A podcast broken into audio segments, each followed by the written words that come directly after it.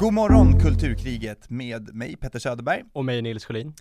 Det här är en podcast i samarbete med i vår första säsong, som går över fem avsnitt, försöker vi tillsammans med våra gäster närma oss begreppet kulturkriget eh, och söka förståelse för vad konflikten egentligen handlar om.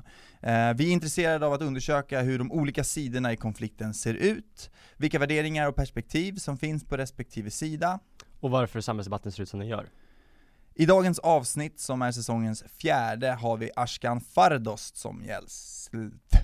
Så jävla kul. Ja. Som gälst. Ska vi behålla det eller? Då hälsar vi Ashkan Fardost välkommen till Kulturkriget. Stort tack. Du är föreläsare inom innovation och digitalisering med bakgrund som biologisk kemist och medlem i podcasten Sista måltiden. Yes, organisk kemist men Organisk details, details. Eh, kan vi börja, vad är skillnaden? Eh, organisk kemi det är kolväten, det är allt från nanoteknologi till läkemedel, olja. Biokemi, då håller du mer på med organismer och försöker fatta hur deras kemi funkar. Men du är också intresserad av sociobiologi va? Absolut. Men det är ändå två separata fält eller? Ska man- Eh, ja, det är separat från, inte biokemi helt, men det har inte så mycket med organisk kemi att göra. Ehm, I den här podcasten så eh, försöker vi med våra gäster närma oss eh, begreppet kulturkriget, vad konflikten cirkulerar kring. Eh, och vi brukar börja med frågan, när vi säger kulturkriget, vilka associationer får du? Jag tänkte vända frågan till er, för Mm. nu, nu har ni döpt eh, det här till kulturkriget, så jag är nyfiken på vad ni tycker, eh, ett samhälle där det inte råder kulturkrig, hur ser ett sånt samhälle ut? Det är en bra fråga. Det kanske alltid råder kulturkrig, är det det som är den underliggande? Ja, det vet ni inte än, men eh, va, va, va, hur, va, va, hur, hur är det, så här, ett default state för ett samhälle som inte har ett kulturkrig? Vad förväntar ni er av ett sådant samhälle? Hur är klimatet där? Ja, alltså det, man kan ju tycka sig att det är ganska konformistiskt. Eh, och så kanske. Men jag tänker också att eh, det viktiga är väl också att titta på hur, om kulturkriget är någonting som, även om det kanske alltid existerar i någon mån, eh, så liksom i vilken utsträckning, hur mycket plats det får i media och hur mycket det berör eh, vardagligt liv liksom för människor. Ehm, och att liksom vi, vi är i en sån position nu kan man säga, där kulturkriget är i full blom. Mm. Ehm, Okej, ja men alright. Ja men bra, för då, då förstår jag mer vad, vad, vad ni Mm. menar med kulturkrig. Eh, jag, jag tänker så här. Eh, det, det var intressant när du sa att okej, ett samhälle som kanske känns konformistiskt, det, det beror ju på. Mm. Eh, det kan ju vara en kultur där konformism inte är premierat. Om du tar den här liksom romantiserade bilden av klassiska superliberala USA, där yttrandefriheten var högst upp på dagordningen, man skulle vara emot liksom makten och ifrågasätta, eh, då, då kanske inte man kan se konformism. Men det, det är fortfarande inte kulturkrig, Mm. right? mm. Eh, så det, det, är ett, det är ett brett begrepp, man får väldigt olika svar beroende på vem man frågar. Och jag försöker ju systematisera det as I go, jag är Mm. långt ifrån klar. Mm. Eh, men eh, en intressant detalj man kan börja i det är att okej, om det är kulturkrig, vem är soldaterna i så fall? Mm. Eh, för därifrån kan man börja gräva eh, i förhoppningsvis eh, rätt riktning. Eh, så vilka är soldaterna? Eh, och om vi pratar om soldater, eh, rent historiskt, ska du ha en armé så måste du ha ritualer. Då kan du börja studera deras ritualer. Vad är det som binder dem samman? Och vad är det för common cause som gör att de nu går ut i krig? För det är ju rätt blodigt på olika sätt. I det här fallet metaforiskt då. Mm. Det, det är inte så mycket fysiskt blod som spills, fastän det också tyvärr har hänt. Mm. Eh, jag tänker till exempel på självmord som ett resultat av häxjakter online.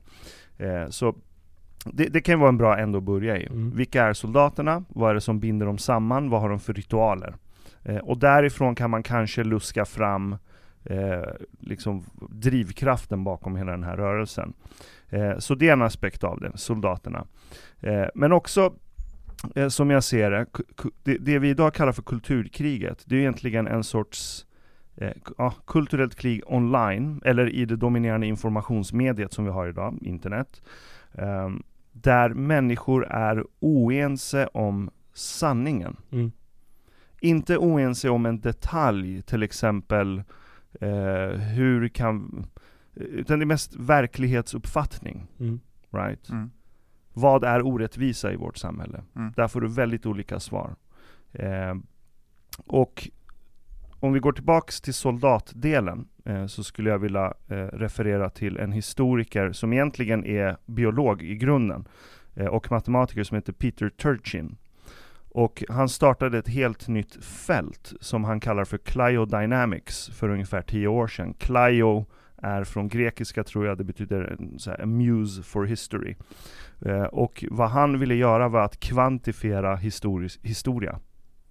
Så han och massa andra människor har nu under tio års tid kvantifierat ungefär 10 000 år av historisk data. Kvantifierat på det sättet att, ja, men, eh, hur definierar man ett imperie? Hur definierar man ett samhälle? Eh, hur kvantifierar man hierarkisystemen som finns i det sam, eh, samhället? Hur kvantifierar man hur mycket arbetarklass, elit och så vidare det finns i det samhället? Så rubbet, så vi snackar om hur många parametrar som helst. Och börjar du titta på historisk utveckling utifrån den här kvantifierade databasen som de har byggt, så ser du tre intressanta detaljer på hur ett samhälle eller en civilisation förfaller. Och två av de här tre eh, punkterna är ganska så här no-brainer, men den tredje är rätt kontraintuitiv. Så de första två, det är att ja, men statsfinanserna tar slut. Det är så no-brainer, då kollapsar samhället. Den andra, det är att människor upplever att morgondagen kommer bli sämre än idag. Mm. Mm. Så det är ju lite annorlunda än den här bilden vi har fått mycket från bland annat Steven Pinker, som jag gillar by the way. Men att så här, ja, men världen blir bättre och bättre hela tiden. Då finns det en, liksom någon sorts oro om att om inte världen hela tiden blir bättre, så kommer folk bli deprimerade. Medan datan visar att nej, så länge det inte blir sämre, så är vi ganska fine. Så okej, okay, staten går i konkurs, eller att folk börjar känna en oro av att morgondagen inte blir bättre. Eh, Eller inte blir sämre Mm, än vad det är mm, idag. Det är två saker som börjar skapa instabilitet. Den tredje, som är väldigt kontraintuitiv kan man tycka, det är när det blir en överproduktion av elitklassen i samhället. Mm. Så om man tar till exempel Saudiarabien och kungahuset där. Varje gång det föds en person i den familjen, i den dynastin, det är ju en elit. Så då måste de hitta någon sorts plats för den här personen, där den kan få utöva sin elitism. Mm. Annars kommer den börja känna, men hallå, jag är en del av det här kungahuset, where's my fucking power? Mm. Och växer det här för snabbt, snabbare än det finns elitpositioner att fylla upp, så kommer det börja skapas interna stridigheter i den falangen. Och det är exakt det vi ser i Saudiarabien till exempel. Mm. Eh, där du har en extremt konservativ falang och ännu mer liberal, om man ens kan säga det, men som vill öppna upp och liksom röra sig mer mot väst. Men om vi tittar på västerländska liberala demokratier, där har vi inga kungahus, eller vissa länder har kungahus, men det finns ingen reell makt där bakom. Eh, så kommer ju elitklassen från akademin. Så så fort du börjar expandera dina universitet för mycket, eller dela ut för många diplom i vissa ämnen som är associerade till elitstatus i samhället, så kommer du sakta men säkert övergöda samhällskroppen med potentiella eliter. Mm. Och när de sen växer upp och har en studieskuld, många av dem bakom sig, och märker att hallå, jag blev inte den här viktiga personen som ett resultat av mitt diplom. Where's my fucking power? Och då får du en sorts counter-elit som börjar ge sig på den rådande eliten. Och för att det ska börja ta fart så behöver du också portioner av befolkningen som känner att morgondagen kommer inte bli, eller morgondagen kanske blir sämre Mm. än vad det är idag. Har du de två kombinationerna så har du en väldigt farlig blandning. Lägger du på eh, sinande statsfinanser så är det ju ganska kört. Det problemet har vi väl inte direkt i Sverige just nu. Men antalet människor som antas till högskolestudier ökar väldigt, väldigt fort och väldigt mycket. Antal universitet och högskolor ökar. De senaste åren har det varit en våg där man försöker göra universitet av högskolor som eh, väldigt tveksamt skulle kvalificera till den statusen. Eh, och om man tittar nu, och då går vi tillbaka till det här, okej, kulturkrig, soldater. Vilka är soldaterna? Ledarfigurerna i de här online-arméerna, inte bara på vänstersidan, utan på högersidan också, om vi nu ska göra den krassa uppdelningen. Mm. Det är utbildade människor. Som är utbildade i ämnen som man kan förknippa med att ja, men det här borde ge mig status i samhället. Till exempel eh, ja, men jurist, Mm. läkare och så vidare. Så oftast samhällsvetenskapliga eh, diplom då, pratar vi om. Eh, så, så det är ju det du ser där. Så för mig är det här en counter-elit som håller på att skapas. Eh, och det påminner ju väldigt mycket om det som redan har skett i USA. Trump, Trump är ju, alltså hjärnan bakom Trump, det är ju Steve Bannon. Mm. Steve Bannon, han är arbetarklasskille. Som lyckades ta sig in på Harvard och gick ut med en MBA. Och han gjorde en liten, liten investering i bolaget som syndikaliserade Seinfeld. Och på det blev han rik. Så då har du liksom arbetarklass, jobbar sig upp, skitbra. Får en MBA, tänker Where's my fucking power? Och så får han tag på pengar, och så har du en befolkning varav en tillräckligt stor portion av den känner att morgondagen kommer bli sämre än idag. Det behöver inte vara sant, det räcker med att folk tror att det kommer vara så. Eh, och så har du stormning av Kapitolium. Pang på det. Mm. Och jag vet inte om ni har sett dokumentären på HBO, eh, Q Into the Storm. Eh, där det är en journalist som kartlägger hela Qanon-rörelsen, som verkligen pushade på eh, den mer, eh, vad ska vi säga, aktivistiska falangen av eh, Trump. Eh, så, så där snackar vi definitivt ett kulturkrig online, som sker som ett liksom, övergripande paraply av Mm. de här processerna. Mm. Så där, där skulle jag säga är grunderna för ett kulturkrig. Så det är en maktkamp. Absolut en maktkamp, Mm. där du har människor som försöker ersätta rådande elit. Mm. Och vinnaren får definiera sanningen. Och vinnaren för att definiera sanningen. För att ska du ha makt måste du alltså alltid också antingen själv vara producent av sanningen, eh, eller ha en le- sanningsleverantör som Mm. lyder under dig. Mm. Eh, så har det sett historiskt eh, i alla fall, sen vi lämnade stammen och Mm. började bygga civilisation. Men den eliten du talar om eh, är ju egentligen en elit som tillhör det gamla Som i sin tur bryts upp och har en slags intern konflikt. Eh, ja, det sker på flera fronter. Så jag menar, du har liksom, ja men om vi tar Sverige till exempel, där du har eh, LO, fackorganisationer, och så har du deras politiska arm, Socialdemokraterna. De har ju haft hegemoni över det här landet ganska länge, eh, med några få parenteser genom historien. De börjar tappa den hegemonin. Det ser vi.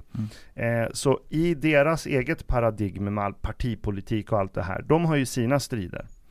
Sen har du counter-eliten, som kommer från två politiska håll. Eh, där ena är, om vi väldigt löst kallar det för woke-vänstern. Eh, som vill bygga upp en verklighetsuppfattning kring intersektionell analys och Mm. allt det där som hör till.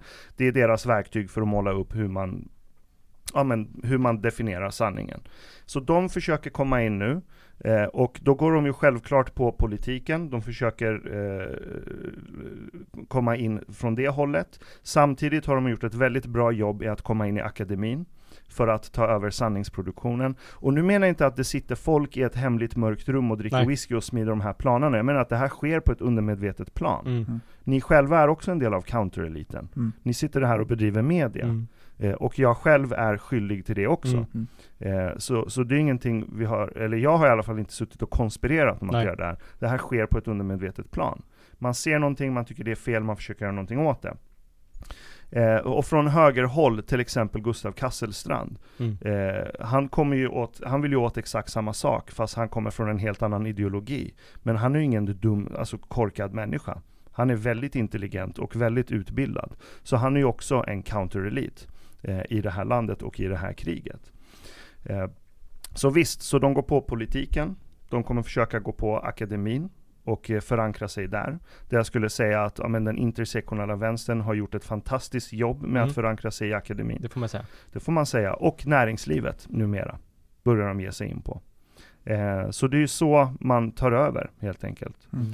Eh, och samtidigt medierna Mm. måste du komma åt. Samtidigt som medielandskapet förändras radikalt också. Ja, och det är ju inte direkt till deras fördel. För att de traditionella medierna har ju ja, vikit sig ganska hårt, skulle jag vilja påstå, eh, kring den rörelsen. Eh, och de värdeord och den lins man måste titta på verkligheten igenom. Mm. eh, deras intersektionella ja, men, offer-förövare-narrativ. Eh, så de traditionella medierna har ju svalt det där rätt mycket, rätt hårt. Eh, inte alla, men många av dem. Eh, men på internet eh, så har de inte det monopolet. Jag skulle säga att tvärtom, nu har inte jag kvantifierat det här, men det känns som att de inte har överläge direkt. Men det är en känsla bara. Det är bara en känsla, så Mm. jag blir gärna motbevisad. Ja. Mm. För att eh, försöka ringa in det här snäva begreppet kulturkriget så brukar vi eh, köra en liten lek med våra gäster Okej. eh, som kallas Är det kulturkriget? Vi eh, kastar ut eh, samtida fenomen och så får du förhålla dig med ja och nej om det är kulturkriget eller inte. Okej. Eh, fossilt bränsle, är det kulturkriget? Upplysningen, är det kulturkriget? Om det inte är det så borde det vara det. Mm. Annie Lööfs YouTube-kanal, Ja, absolut. Det är det. Lars Vilks, Absolut. gängskjutningarna, Nej, inte direkt. Eller jo, jo, narrativet om gängskjutningarna eh, används ju i det så kallade kulturkriget. Yes. och eh, din podcast Sista Måltiden. Eh, absolut. på vilket sätt? Nej men vi vill ju, eller för oss är det bara ett, så här, kan man spela in ett samtal som låter som när man sitter hemma och pratar Mm. i sin privacy med ett gäng kompisar? Vad händer om man bara lägger ut det? Mm. Och Va- för oss var det så här, det här är säkert entertainment för folk. Det är ju därför den är kategoriserad under humor, comedy. Eh, sen, eh, ja, ämnena som vi tar upp eh, har tydligen provocerat eh, vissa människor eh, och eh, då sitter vi där. Mm. Eh, vilket är fine. Mm. Det är ofta den diskussion man kommer tillbaka till gällande komedi nu för tiden, att komedi alltid på något sätt ändå granskas som om det inte är humor. Ofta att en komiker måste stå till svars för sitt innehåll som om man hade sagt det fullblodigt på allvar liksom. Så är det. Ko- komedi är ju ett väldigt bra sätt att mäta tempen på ett samhälle. Eh, För att se vad får man skämta om, vad får man inte skämta om och varför? Och vem är det som tycker så? Mm. Eh, I vårt fall, ingen av oss fem är komiker. Eh, Så det är inte så att vi försöker säga att nej men vi är komiker, vi får säga vad vi vill. Absolut inte. Eh, Men vi pratar mer trams än allvar, eller lika mycket trams Mm. som allvar. Eh, Så det kändes ohederligt att försöka vara någon så här society, liksom en sån grej. Mm. Eh, Så ja, det är comedy, eller det är mycket trams, men ibland blir det väldigt allvarliga diskussioner Mm. om brott, kriminalitet, eh, politik eh, och, allt, och massa andra obekväma saker. Eh, och så, så är det. Så vi, vi försöker inte skydda oss med att ja, men vi är komiker. Det är Mm. vi inte. Nej. Det är vi absolut inte. Men eh, ni är ju fem. Eh, vad är det som förenar er fem i, i podden? Mellanförskap. Mm. För att alla vi fem är icke-etniska svenskar. Ehm, majoriteten av oss invandrade hit. Eh, men vi har alltid känt att okej, vi är inte den här klassiska svenska identiteten. Det, den har inte vi. Vi kan inte identifiera oss helt och hållet med den. Eh, så det blir någon sorts mellanförskap. Eh, och för mig är det en identitet. Så jag menar inte att åh, det var så jobbigt, jag känner mig aldrig svensk. Det är inte det jag menar alls. Utan att eh, jag kan vara både svensk när jag behöver det, men jag kan också vara iranier när jag behöver det, och jag kan vara svensk-iranier när jag behöver det. Mm. Eh, Men när du hela tiden rör dig mellan de här eh, identitetsgrupperna, det i sig skapar en sorts ytterligare identitet. Eh, Och jag tror att det är där vi alla fem eh, liksom känner igen varandra i. Eh, Så, så det är det som förenar oss. Eh, inte våra åsikter, för Nej. de skiljer sig väldigt mycket emellan beroende på vilken fråga man pratar om. Så det är väldigt få saker där vi är överens. Mm. Finns det trickster-egenskaper i er podcast skulle du säga? Det får andra bedöma.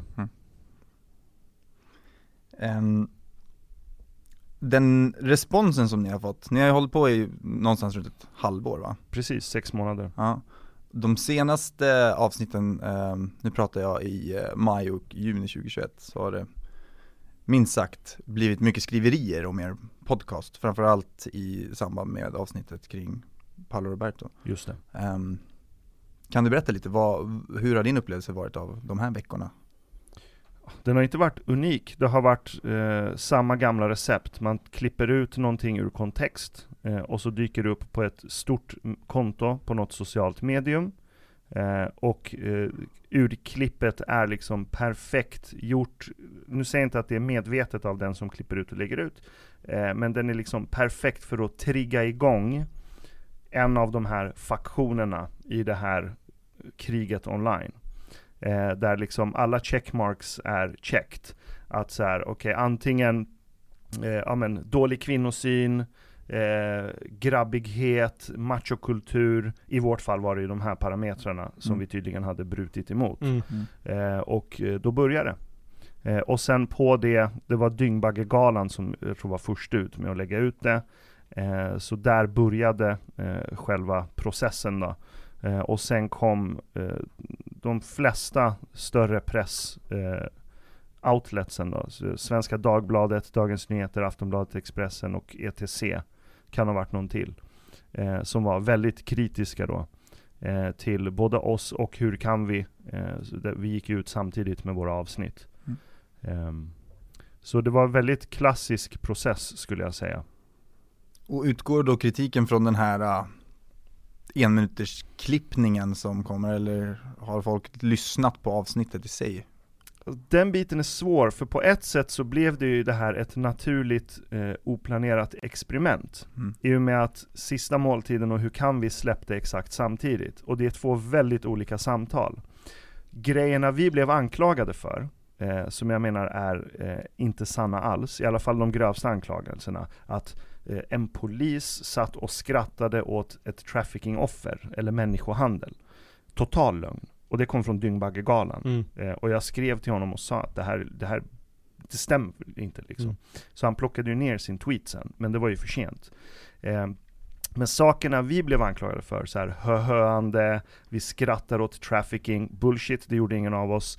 Eh, ingen av oss uppmuntrade till sexköp, ingen av oss uppmuntrade ens det Paolo hade gjort. Eh, vi valde att inte ens gå in på den biten så här. Eh, vad tycker du om sexköp? Alltså bland oss som driver podden. Utan vi var nyfikna på just Paolo. Sakerna vi blev anklagade för, det var saker som hur, eh, Navid inte hade gjort i Hur kan vi? Eh, men han och den podden fick lika mycket skit som oss. Mm. Så för mig är det ett, något sorts experiment där du ser att anklagelserna var inte själva poängen. Mm. Utan bara faktumet att vi satt i det rummet mm. med en person som är dömd för sexköp. Det är det som var brottet. Och jag menar att det är utifrån de tusentals kommentarer vi nu läst och sett eh, och artiklar vi har sett skrivits. Det enda vi hade kunnat göra för att inte få det här eh, häxjakten igång. Det är att antingen inte ha bjudit in honom överhuvudtaget. Eller bjudit in honom och typ spottat honom i ansiktet, sparkat på honom och pekat 'fuck you' och bett han gå härifrån. Mm. För att säga att du är en dålig människa Paolo. Mm. Men det, det, är ju macho å andra sidan, att göra det. Det är väldigt macho, det skulle mm. man kunna argumentera mm. för. Ja. Du kommenterade det här, den här uppståndelsen eh, på Facebook. Och vi läste det mm, inlägget och tyckte att det var eh, intressant. Du får jättegärna läsa upp det, eh, så kan vi diskutera sure. lite innehållet.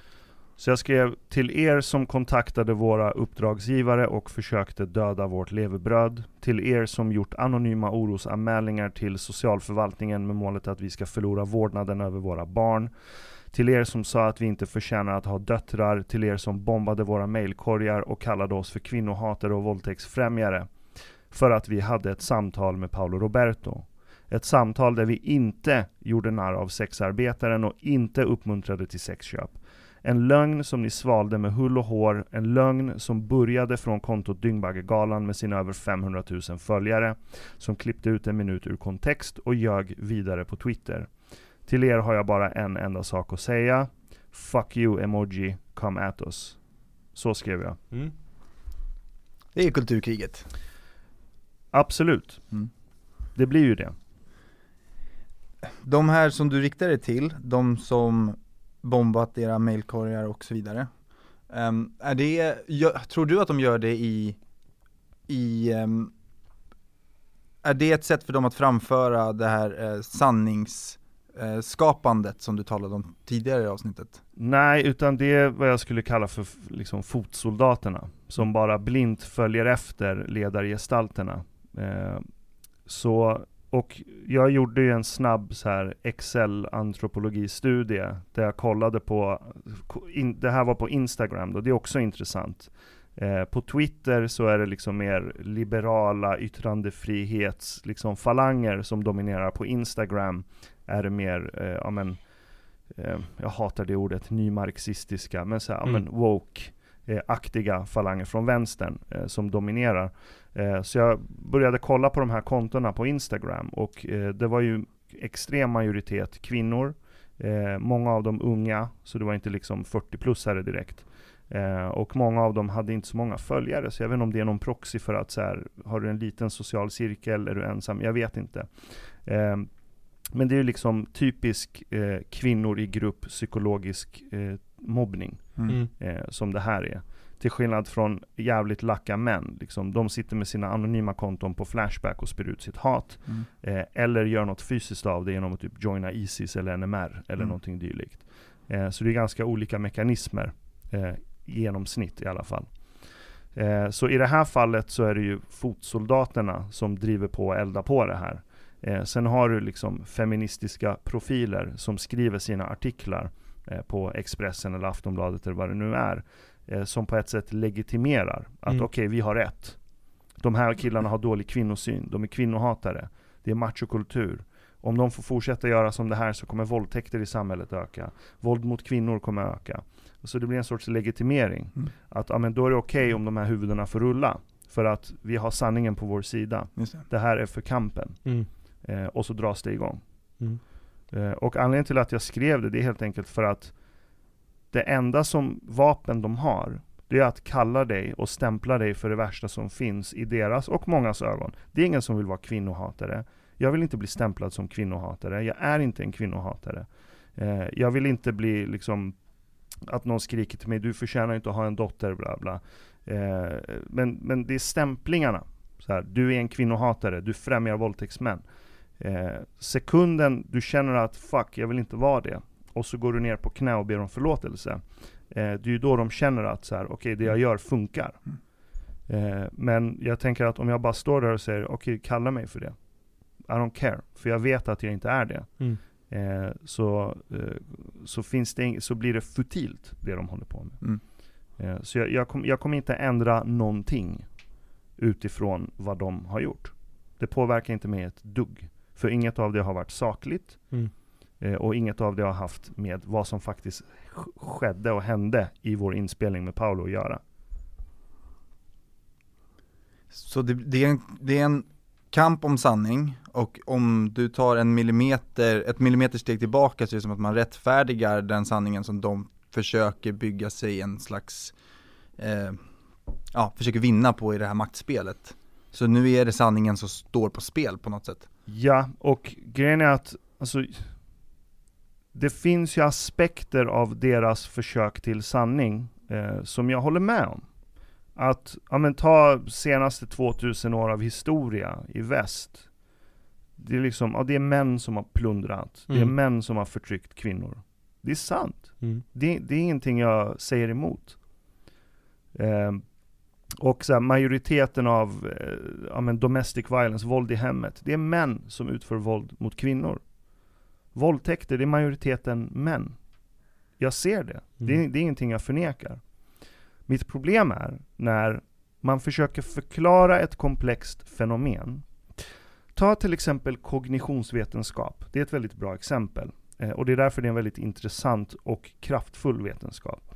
För att kognitionsvetenskapen försöker fatta liksom hjärnan, mm. kognition, hur det funkar. Och i det fältet, i och med att det är väldigt tvärvetenskapligt, så har du till exempel biokemister som försöker kartlägga kemin i hjärnan. Eh, du har neurokemister, du har psykologer, du har psykiatriker, eh, du har ingenjörer som håller på med AI och neurala nätverk. Och alla de tillsammans försöker beskriva samma sak. Och så ser de hela tiden till att de eh, utvecklar sitt språk så att de kan kommunicera sinsemellan och så försöker de förklara samma fenomen med sina verktyg och perspektiv. Och det skulle jag kalla för en, en så här högkonvergent eh, teori. Där du från flera olika perspektiv, oavsett vad du mäter, så försöker du komma fram till samma grej. Eh, en sån teori kommer vara väldigt kraftfull och användbar. Eh, men däremot, om du tar Flat Earth Society, där har du motsatsen, den är lågkonvergent. Du har en, ett litet faktum, eller enligt dem faktum, jorden är platt. Utifrån det försöker de förklara allt annat i hela världen. Mm. Right? Konspirationer, politik, NASA, du vet, de försöker förklara tusen olika saker från idén att jorden är platt. Så de börjar väldigt smått och så försöker de förklara allting utifrån det. Samma sak med QAnon. Att världen domineras av en ond kabal Mm. som eh, är pedofiler och som smugglar barn och de vill ha världsdominans. Och utifrån det fröet försöker de förklara allt. Och när man tittar på de här rörelserna, i det här, i vårt fall från vänstersidan då, eh, som startade sina drev, men högern gör, det finns falanger inom höger som gör samma sak Mm. här också. Eh, så jag vill inte polarisera där. Eh, men tar du vänstersidan eh, som är aktuell i det här fallet, deras teoribildning påminner väldigt mycket om Flat Earth och väldigt lite om kognitionsvetenskap. Mm. Där allting är männens fel, allting är machokulturens fel. Patriarkatet blir deras Flat Earth. Och så använder de patriarkatet för att försöka förklara allt. Och redan där blir jag väldigt skeptisk.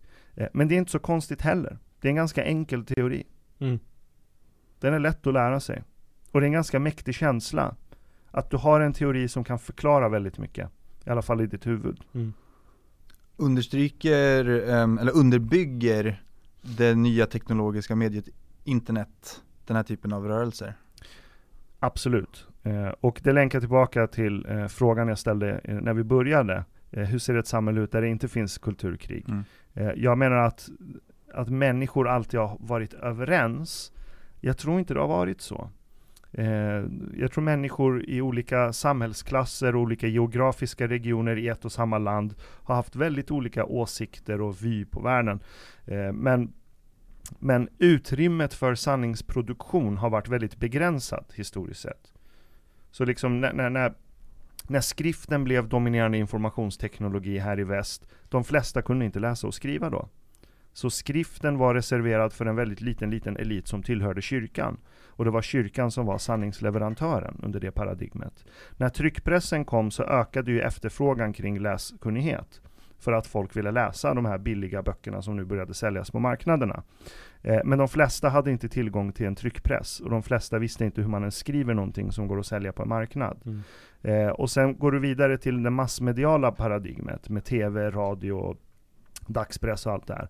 Eh, de flesta ägde inte en TV eller radiostation. Eh, så det var alltid en liten, liten elit som hade kontroll över sanningsdistributionsapparaten.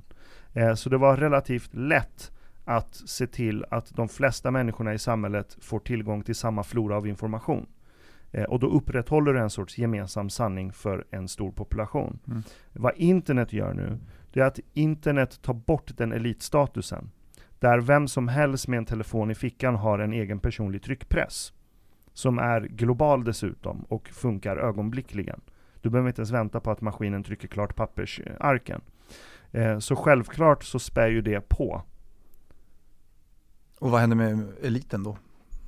Ja, eliten får ju panik. Det är ju det du ser i de traditionella medierna idag. De, liksom, det, ett av argumenten de har mot oss och alla andra poddar, det är att ja, men ni följer inte publicistisk sed. Mm. Och för mig är det så här, ni är inte riktigt tillräckligt fina för att bedriva journalistik. Medan jag säger att vi försöker inte ens göra anspråk på journalistik. Kan det inte vara så att, att ni, om ni gör ett tillräckligt bra jobb så kommer inte ni behöva se oss som konkurrenter. Jag ser inte oss eller de andra poddar jag själv lyssnar på som konkurrenter till media. Utan det är väl någonting som finns vid sidan av. Som uppfyller något annat sorts syfte. Just det. För det är ingen annan podd som hindrar dig från att fortsätta prata. Exakt. Nej. Så jag ser inte andra poddar som konkurrenter heller. Så då uppstår det ett paradigmskifte med en ny elit som växer fram på internet. Ja. Men den har inte utkristalliserat sig än riktigt eller? Nej, och det är väl det som är kulturkriget. Ja. Just det. Och- Så det är gamla eliten mot nya olika sorters counter-eliter. Ja. Som försöker göra anspråk på eh, att vara sanningsleverantör. Eh, och försöker därmed göra anspråk på att vara den nya elitklassen.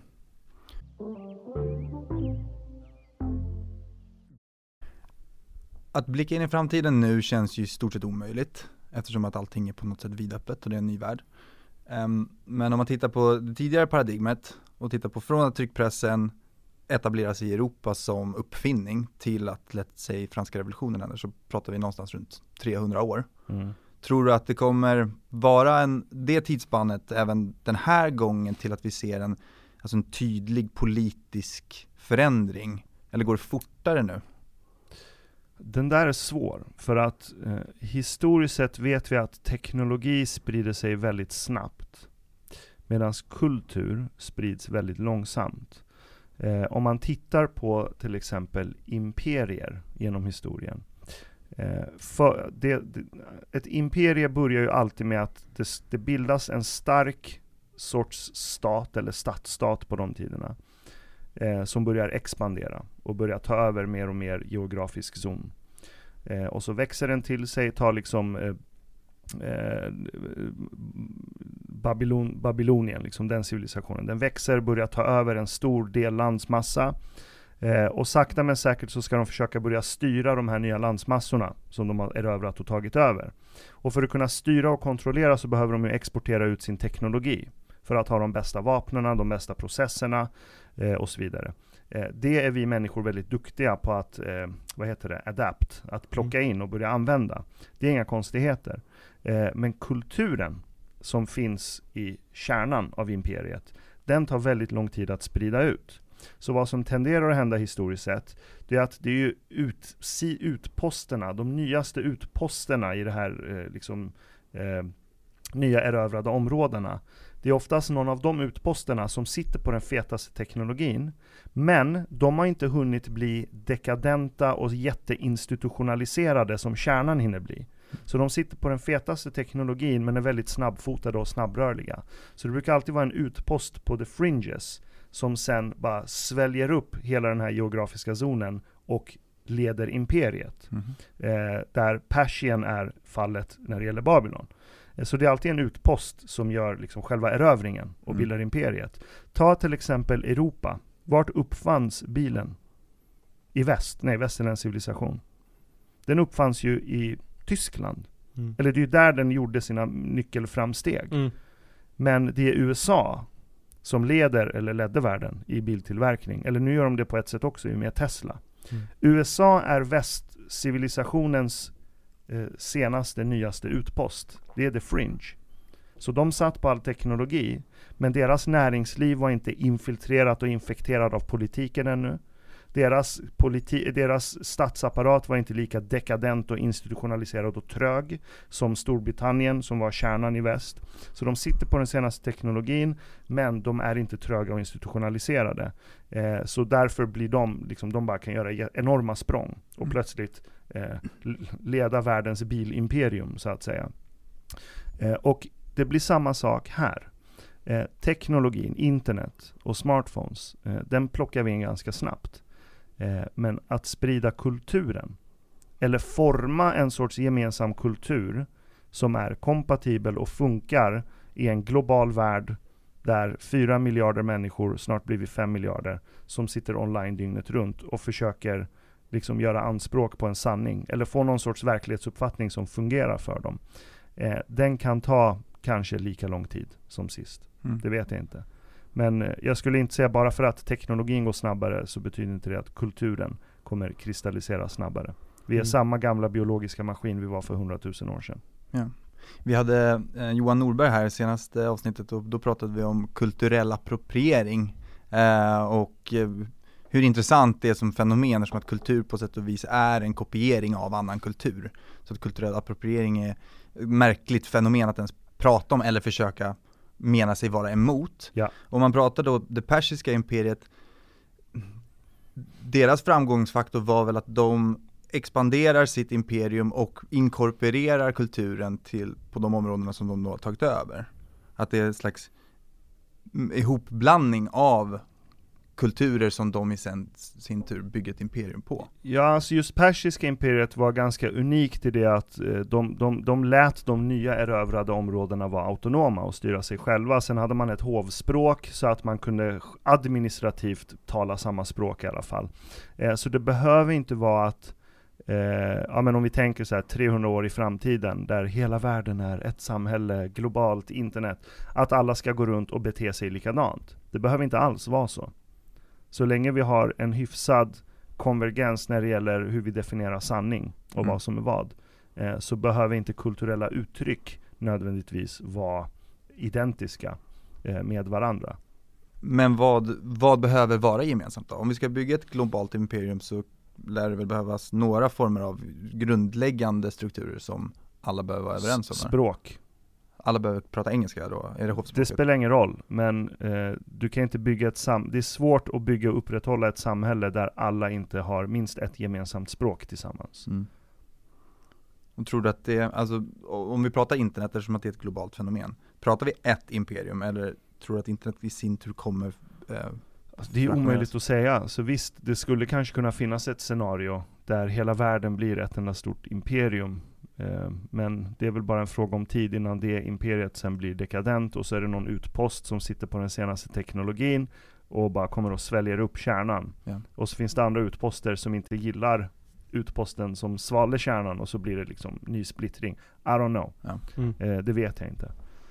Jag tänker om vi ska försöka reda ut det här också en gång för alla att du beskriver det som ett trefrontskrig kan man säga mellan två nya eliter och de gamla institutionerna. Kan man Ja, säga. flerfrontskrig lika Ja, gärna. ja.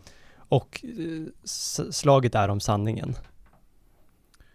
Slaget är alltid om makt. Mm. Makt och så att definiera sanningen. Och, ja, men för att ha makt så måste du kunna definiera sanningen också. Mm. Så om vi ska prata kulturkriget eh, Det är Foucault 101, Power of Ja, Knowledge. ja. Det, det är därifrån det kommer. Mm. Men om man då ska tänka att där vi är idag och hur kulturkriget kommer fortlöpa. Eh, tror du att det kommer, att kulturkriget kommer ta slut? Tror du att det kommer ta slut för att de gamla institutionerna faller eller för att någon av de nya eliterna blir starka och tar över allt? Hmm. Eh, den där är intressant. Det beror på flera faktorer. För det är ett väldigt dynamiskt och sjukt krångligt eh, problem. Mm. Eh, ett, om vi fortsätter övergöda samhällskroppen med eliter, eh, så kommer inte alls det här sluta, tror jag. Eh, så det är ena aspekten. Den andra är, hur ser vi till att medborgare i det här landet känner att morgondagen inte kommer bli sämre än vad den är idag? Och notera, känner. Mm. Det räcker att oron finns. Eh, oron är sällan obefogad i och för sig. Eh, så du har den aspekten också. Eh, sen handlar det också om vilken sanning är mest användbar. Så jag menar, Isaac Newtons sanning, nu är jag citattecken i luften, kring gravitation. Den är ju inte sann med vad vi vet idag Nej. om hur fysiken funkar. Men den var väldigt användbar för att kunna skicka farkoster till månen. Mm. Så den var fortfarande useful. Mm. Eh, och det är där vi landar. Vilken verklighetsbeskrivning är användbar? Och i min värld så måste det vara en högkonvergent teori. Mm. Där oavsett hur du mäter och tittar från olika perspektiv så landar du i samma, ungefär samma slutsats. Det är förmodligen en sån sanning som oftast är mycket svårare att ta fram och mycket svårare att upprätthålla. Eh, en sån sanning kommer ju vara mycket mer användbar förmodligen Mm. än en flat earth-aktig sanning. Mm. Eller allt är patriarkatet. Mm. Ehm, så det är ju det det handlar om till slut också. Men så din roll i kulturkriget skulle man kunna säga är att bidra till den högkonvergenta sanningen? Ah, alltså åtminstone i alla fall belysa att okej, titta, det är nog en sån här sanning vi behöver. Mm. Eh, sen kommer det nog behövas eh, människor som är exponentiellt mycket smartare än vad jag är Mm. för att kunna skapa just den sanningen. Eh, men jag tror starkt på att det är en sån sanning vi behöver. Mm. Eh, så jag försöker ju inspirera människor eh, till att söka sig till komplexa, jobbiga, svåra saker. Eh, för att se hur kan man reda ut det här. Eh, och det är ju det jag gör oavsett om jag föreläser eller sitter i sista måltiden. Mm. Mm. Men där är det ju intressant för att om man tittar på hur, sannings, hur, hur vi skapade sanning i det tidigare paradigmet så var det just genom bildade människor på universitet bland annat. Eh, nu är det som att alla, folk skaffar sig sin uppfattning om sanningen exempelvis på sociala medier, där vilken person som helst kan registrera ett konto och uttrycka sig och ta in och bilda sig och tillsammans bilda en sanning. Ehm, en sån där högkonvergent teori som du pratar om, låter på förhand i stort sett omöjligt att etablera på typ sociala medier där folk eh, det är, inte, det, det är inte bildade människor bara som är där. Det stämmer. Så då kommer det ju bli alla möjliga typer av teorier som kastas fram och tillbaka. Och, och, att bilda ett sånt komplext system som du pratar om krävs ju typ expertis egentligen på varenda punkt, fast från olika håll samtidigt. Det stämmer, det stämmer. Eh, om man tänker så här, i grund och botten, och nu kommer väl eh, marxisten i mig fram. Eh, Äntligen. Det, det, nej, men det, det, är materiella omständigheter, i alla fall i mitt huvud, eh, som dikterar allt. Det är materiella omständigheter. Kulturen kommer sen. Så det är utifrån materiella omständigheter, historiskt sett har det varit en kombo av liksom vilka resurser det finns, vilken, eh, vilket klimat det är i det område ditt samhälle existerar i och så vidare. Det är de parametrarna som sen dikterar hur kulturen formas och hur religionen i en sån kultur formas. Det är ju inte en slump att eh, nordisk mytologi liksom inte innehåller kameler. Eh, det finns inga kameler här. Ehm, så, så, så, så det är det materiella som alltid kommer först. Och det vi idag kallar för näringsliv, det är ju den sektor i samhället eh, som lyckas bäst med att tämja de materiella omständigheterna. Så, eh, så det, det, den sanning som funkar bäst och som anammas av näringslivsaktörer. Det är ju de som kommer sätta grunden. Och jag kan ju redan nu se att sanningen som kommer från, eh, löst kallat, återigen, jag ber om ursäkt, woke-vänsterhållet. De har ju försökt etablera sin världsbild i delar av näringslivet och lyckats väldigt bra på många håll. Även inom kommunala institutioner och på universitet också. Eh, de aktörer i näringslivet som har anammat den här woke-vänsterverkligheten börjar nu se mer och mer problem. Människor trippar på tårna, de är skitskraja för att uttrycka sina åsikter. Eh, det, det, det, blir bara ett väldigt läskigt och creepy klimat eh, på de här bolagen. Eh, så de bolag som vill anamma den här sanningen, varsågoda. Sen, åt, sen kommer tiden utvisa eh, om det funkade eller inte. Eh, så allting kommer nog börja där. Vilka delar av näringslivet kommer anamma den sanning som behövs utifrån de nya materiella rådande omständigheterna? Där vi har en global värld som är ögonblicklig och internet är dominerande informationsmedium. Eh, de bolag som anammar den sanning som funkar bäst, det är de som kommer leda vägen. För i slutet av dagen kommer folk vilja ha mat på bordet. Och då kommer du gå till de aktörer i näringsliv som har något jobb till dig att erbjuda. Mm. Eh, och det är ju där allting måste börja på något sätt.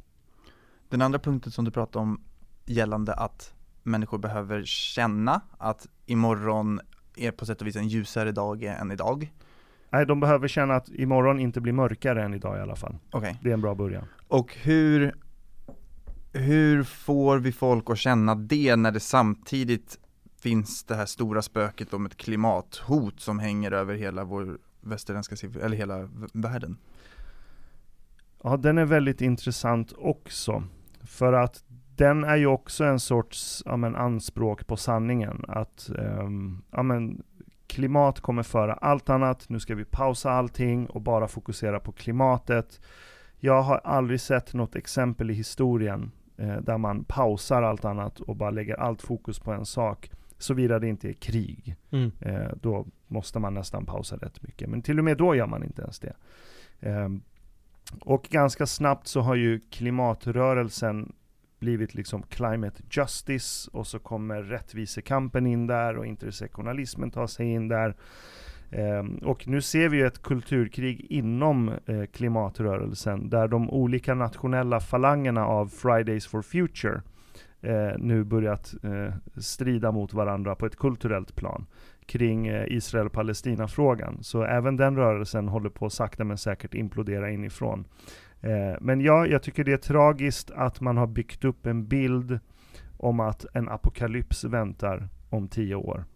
Och enda sättet att lösa det är att gå tillbaks till någon sorts materiell asketism.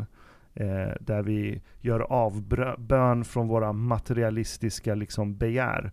Eh, så det är en väldigt kristen rörelse på många sätt. Eh, där de bara bytt ut Gud mot Gaia. Eh, annars uppfyller den liksom eh, de klassiska checkmarksen, att vi föds som syndare, vi föds som konsumenter och giriga och så vidare. Eh, och avlatsbreven har de också. Du kan köpa ekoprodukter och köpa dig fri från synd, klimatkompensation och så vidare. Men jag tycker det är tragiskt att man målar upp den här apokalyptiska bilden. För det är sällan i historien där folkrörelser har löst massiva teknologiska problem. För, för mig är klimatkrisen, som är på riktigt, eh, det är ett främst teknologiskt problem. Det kommer inte gå att få folk att backa i levnadsstandard frivilligt. Det kommer vara en väldigt svår process. Så jag skulle säga att sannolikheten är större att smarta ingenjörer listar ut ett sätt att lösa det här på. Brygga det över till den första punkten du pratade om, om eliter. Alltså är det den teknologiska nya eliten som behöver lösa de här problemen? Um, ja, för att alltså är du väldigt smart och teknologiskt lagd så kommer du förmodligen klättra upp i någon sorts teknologisk hierarki och Mm. bli en del av den eliten. Mm. Eh, det är ju inte en slump att Elon Musk är en av de som ligger i framkant när det gäller just- många aspekter av eh, klimatkrisen. Just det, och han erbjuder ett mer optimistiskt narrativ kan man säga för framtiden. Ja, absolut. Att, mm, Där liksom lösningen är att du, du köper något som är bättre än det gamla mm. och samtidigt slår tillbaks mot eh, den globala uppvärmningen. Och ge folk jobb också. Och ger folk jobb, Mm. absolut. Mm. Och snygga bilar. Ja. Det också. Så då, när du pratar om att sluta göda den gamla eliten, ska vi typ stänga ner universiteten? Eller vad tänker du där? Nej, absolut inte. Vi behöver utbildade människor. Vi behöver duktiga ingenjörer. Vi behöver duktiga datasnillen. Vi behöver duktiga biologer, kemister, läkare. Det är inte alls det jag menar. Men varför har vi byggt ett narrativ som går ut på att det finaste du kan göra med ditt liv är att få en universitetsutbildning? Vad fan är det för fel på att vara bilmekaniker eller snickare eller allt annat som inte innebär, innebär en fin akademisk diplom? Varför har vi gjort det? Eh, varför har vi gjort att du ses som något sorts misslyckande? Eller att säga, ah, du var inte tillräckligt, du var lite lat eller inte tillräckligt duktig för att du inte orkade palla dig genom universitetet. Det är en ganska konstig miljö att befinna sig i. Det är en ganska onaturlig miljö att befinna sig i. Mm. Sitta och bara läsa och repetera saker i fem år för att få ett diplom. Det passar inte alla. Så jag tycker det är ganska sjukt eh, att vi har byggt ett sorts ideal om att det akademiska diplomet är ett bevis på hur mycket värd du är som människa. Det är den biten jag stör mig på mer. Eh, så nej, vi ska absolut inte lägga ner universitet, tycker jag. Eh, däremot borde vi optimera deras roll. Varför finns det universitetsprogram som utbildar dig till sommelier? Mm. Det är helt absurt. Det är ju Mm. inte det akademin ska hålla på med. Nej. Så jag tycker vi kan skala ner det här akademiska liksom råttboet vi har byggt i Sverige. Där flera aktörer inte ens borde få kallas för universitet för den delen heller. Ehm, och skära ner på vad det är för sorts program vi ens erbjuder på de här universiteten. Så nej, skala ner och optimera. Men absolut inte lägga ner. Skulle jag inte säga. Och med politiken, för det är också en gammal mm, politisk makt, eh, elit. Eh, vad tror du kommer hända med politiken? Jag tror att det kommer, vi kommer nog se två olika vägar. Sen vilken väg Sverige väljer återstår att se. Eh, men historiskt sett, eh, eh, när det blir ett paradigmskifte, så tenderar det gamla paradigmet att antingen liksom nästan självmant bli dismantled. Ja, men ta till exempel efter franska revolutionen och när liberal demokrati började liksom spridas runt om i Europa. I vissa fall så högg man halsen av kunga, kungarna och alla som satt i kungahusen. Och godsherrarna också för den delen. Eh, med, Medan i Sverige till exempel, så har vi liksom ganska snyggt gjort en sorts reformation, där kungen har kvar sitt slott, liksom får göra en parad en gång om året, folk klappar händerna, men den har ingen reell makt längre. Eh, så, så, och, och, historiskt sett när det blir sådana här paradigmskiften så tenderar alltid den gamla eliten att antingen bli extremt reaktionär, eh, så då börjar den anta mer fascistoida egenskaper där man börjar förbjuda det nya, man försöker strypa det nya, Eh, och det tenderar att eskalera konflikten på sikt. Eh, eller så blir de bara omsprungna helt enkelt och bara tappar makten för att det är ingen som lyssnar på dem längre. Eh, eller så blir det någon sorts så mjuk övergång, reformation, men den brukar vara sällsynt. Och just nu, jag vet inte, det finns ju reaktionära tendenser i alla fall. Om man tittar på medieklimatet. Det var väl för några år sedan där public service gick ihop med DN och Svenska Dagbladet eller något. Där de skulle göra faktakoll på online-innehåll, någonting sånt. Jag kommer inte ihåg mm, vad den rörelsen hette. Mm, mm. Um, så för mig är det lite så här smått reaktionärt, att nu ska mm. vi gå och berätta för folk så här, det här är bra information, det här är dålig information. Mm, det här är sanning. Precis, medan jag tänker nej, vi borde ju se till att vi har en bildad befolkning som kan göra den avvägningen själva. Det är den ultimata redundansen och bufferten eh, mot fake news och dålig information som är skadlig. Inte att en gammal elit ska sitta och liksom med pekpinne säga vad som är rätt och fel. För sånt brukar inte att funka och internet Alltså bara internets natur gör det väldigt svårt för mig att säga att en sån rörelse skulle funka. För då flyttar du bara de här alternativa källorna ännu mer underground. Eh, och för mig gör inte det saken bättre. Eh, så för mig är det en sorts reaktionär tendens. Eh, att man försöker strypa. Eh, eller som nu, liksom efter Paolo. Eh, vem är ni att tro att ni kan bedriva journalistik? Mm. Ni har ingen god publicistisk mm. sed. Mm.